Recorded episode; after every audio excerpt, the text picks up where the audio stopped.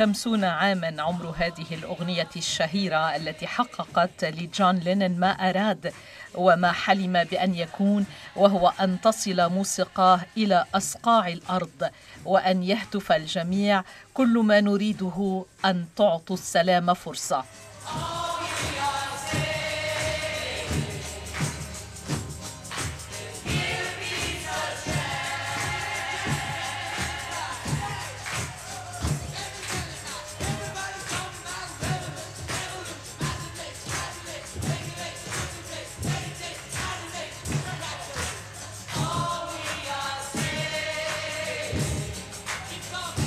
للأسف نقول إن نجاح الإرث الموسيقي لجون لينن لم يترجم على أرض الواقع حتى بعد نصف قرن على ميلاد الأغنية.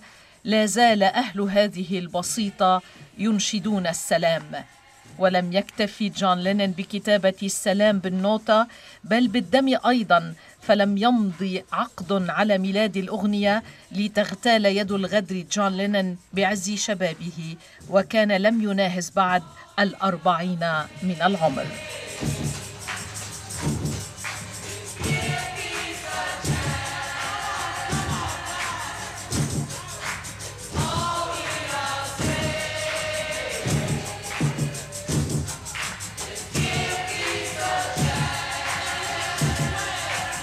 أجرت هيئة الإذاعة الكندية مؤخرا مقابلة مع صحفي عتيق من جيل أيقونة موسيقى الروك أند رول البريطاني جون لينن.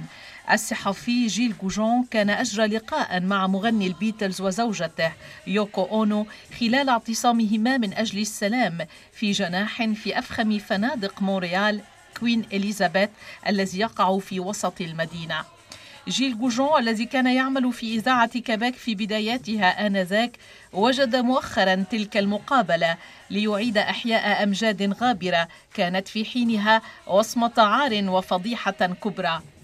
يروي الصحفي الكندي الفرنسي أن المخرج في الإذاعة أوكله يومها بإجراء سلسلة تقارير إذاعية عن تاريخ الموسيقى للمستمع الكندي الإنجليزي في كيبيك. عنوان هذه السلسلة كان اكتشفوا الموسيقى. وكان على الجدول لإعداد هذه البرامج مقابلة مع مغني فريق البيتلز البريطاني الشهير جون لينن خصوصا أنه جزء بارز من الموسيقى المعاصرة في ذلك الوقت. وعندما علمنا أن جون لينون وزوجته في مونريال لل bed-in أشار علي المخرج بالذهاب للقائهما. ويتابع الصحفي في وصف الأجواء في فندق الملكة إليزابيث لحظة وصوله مع فريق العمل الإذاعي. يقول On arrive au Reine Elisabeth, c'est le bordel. Tout le monde peut entrer, sortir, tout le monde s'improvise, garde du corps, euh, portier, euh, journaliste. Et euh, il y a à peu près 2 à 300 personnes dans cette suite. Ça crie, ça chante, ça fume du pot. Et je vous signale qu'en 1969, c'était criminel, c'était illégal, mais نصل إلى فندق كوين إليزابيث إنها الفوضى المطلقة. كل يغني على ليلاه لا تعلم من الداخل ومن الخارج. هناك الحرس الشخصي هناك البوابون في الفندق الصحفيون. هناك ما لا يقل عن 300 شخص في غرفة الفندق الرقم 1742 وتفوح في أرجاء المكان رائحة الحشيشة. علما أن الماريوانا كانت ممنوعة في العام 69 من القرن الماضي ويجرم القانون الكندي مستهلكها. وعلى الرغم من ذلك كان العديد يتعاطون الحشيش في هذه البلاد وكان يومها موعد مع الصحفيين في مؤتمر صحفي عقده الزوجان الضيفان في المدينة وكان اللافت حضور الصحفيين الأمريكيين الذين كانوا يشنون وابلا من الأسئلة على لينن وكان تعاطيهم معه يحمل الكثير من العدوانية Lennon est bombardé de questions par, surtout par les journalistes américains qui sont très agressifs à son égard. Certains journalistes qui, travaillent pour des journaux de droite plutôt et qui n'acceptent pas qu'un étranger ayant une notoriété si grande euh, s'oppose à la guerre du Vietnam dans lequel les Américains sont engoncés euh, depuis longtemps. بعض من هؤلاء الصحفيين الامريكيين يقول الصحفي الكندي الفرنسي كان يعمل لصحف يمينيه متطرفه لم تكن تقبل ان يعارض اجنبي الحرب في فيتنام واما نحن في راديو كيبيك فلم تكن السياسة على الاطلاق هدفنا وكل ما هنالك اننا اذاعه تثقيفيه تريد ان تقدم برنامجا عن تاريخ الموسيقى في العالم. À moment donné, il y a quelqu'un, je n'ai aucune idée de son, de son rôle, mais qui, qui parle très fort et dit à tout le monde, Well, everybody out, this is over, everybody, everybody out, except Radio Québec. Là, c'est un peu la consternation. D'abord, c'est que la, conférence de presse vient de finir, mais surtout, personne connaît Radio-Québec. Alors, le temps de, de, vider la place, que les gens quittent doucement, euh, de nettoyer un peu l'affaire, nous, on se prépare à faire l'entrevue. Sauf que c'est un bedin. في تلك اللحظة قال الصحفي جيل جوجون دخل أحدهم أجهل تماما من يكون. كان يملك صوتا جهوريا وصرخ بأعلى صوته انتهينا ليخرج الجميع من هنا عدا راديو كيبيك. قال الصحفي الكندي الفرنسي ولم يكن أحد قد سمع بهذه الإذاعة التي كانت في بدايتها. وبدأ الناس بالخروج وبدأنا نحن بالاستعداد لإجراء المقابلة. Donc je dois monter dans le lit pour les interviewer. J'enlève mes chaussures. J'ai quand même pas l'habitude de monter au lit avec mes chaussures. Et le preneur de son euh, lui est à genoux à côté du matelas. Le réalisateur est derrière. Et j'ai le micro. Et je commence mon entrevue avec John Lennon. علي إذن يتابع في روايته الصحفي الكندي. علي إذن أن أصعد إلى الفراش لإجراء مقابلتي. أنزع حذائي فلم أتعود أن أصعد إلى الفراش منتعلا الحذاء. ومهندس الصوت جلس إلى جانب الفراش والمخرج جلس في الخلف. وفي يدي المذياع وأبدأ مقابلتي مع جون لينن وأستهل بالسؤال الأول. ما هي أهمية الموسيقى الكلاسيكية في حياتك؟ يجيب أسطورة موسيقى الروك Uh, it's not very important to me because it's uh, old music and I'm only concerned with now and classical, classical music is very nice but I haven't got time for it. Uh, the music I'm making now I consider classical music of today or folk music, whichever you like to call it. But do you think the music you're doing now one day will become old music? Yes, sure.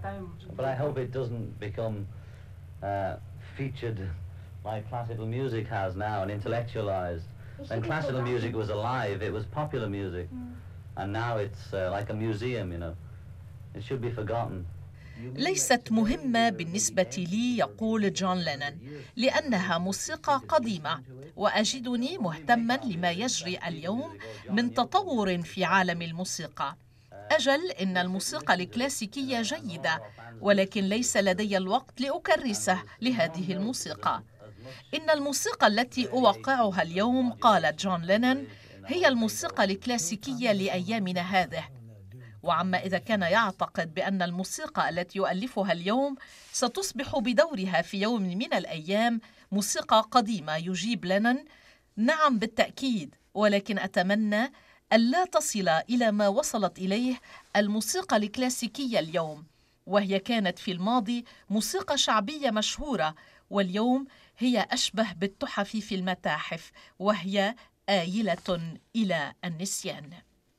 ويتابع الصحفي في راديو كيبيك جيل جوجون في روايته يقول J'avais euh, devant moi, à côté de moi, euh, un homme euh, qui parlait à un autre homme de son âge à peu près. On a deux ou trois ans de différence. Et puis, il avait du plaisir à échanger sur non seulement ce qu'il était, mais ce qu'il voulait devenir. كان أمامي رجل يتحدث إلى نده إذ إننا ننتمي إلى الجيل ذاته بفارق سنتين أو ثلاث. كان سعيدا بتبادل الآراء معي ليس حول ما هو وإنما حول ما يمكنه أن يكون في المستقبل عبر الموسيقى. ولكن المفاجأة ستقع في اليوم التالي ليقع ما لا يحمد عقباه يقول الصحفي المتقدم في السن اليوم جيل جوجون. في اليوم التالي وفي صحف مونريال كلها مقالات تصف ما حدث على أنه فضيحة وانعطاف في مسار سياسة إذاعة حكومية رسمية. إن جون لينن من فراشه من مونريال أعطى مقابلة لراديو كيبيك وعلى الفور تم استدعاؤنا إلى الجمعية العمومية في حكومة كيبيك. Le Premier ministre, c'est Jean-Jacques Bertrand, et le chef de l'opposition, c'est Jean Lesage.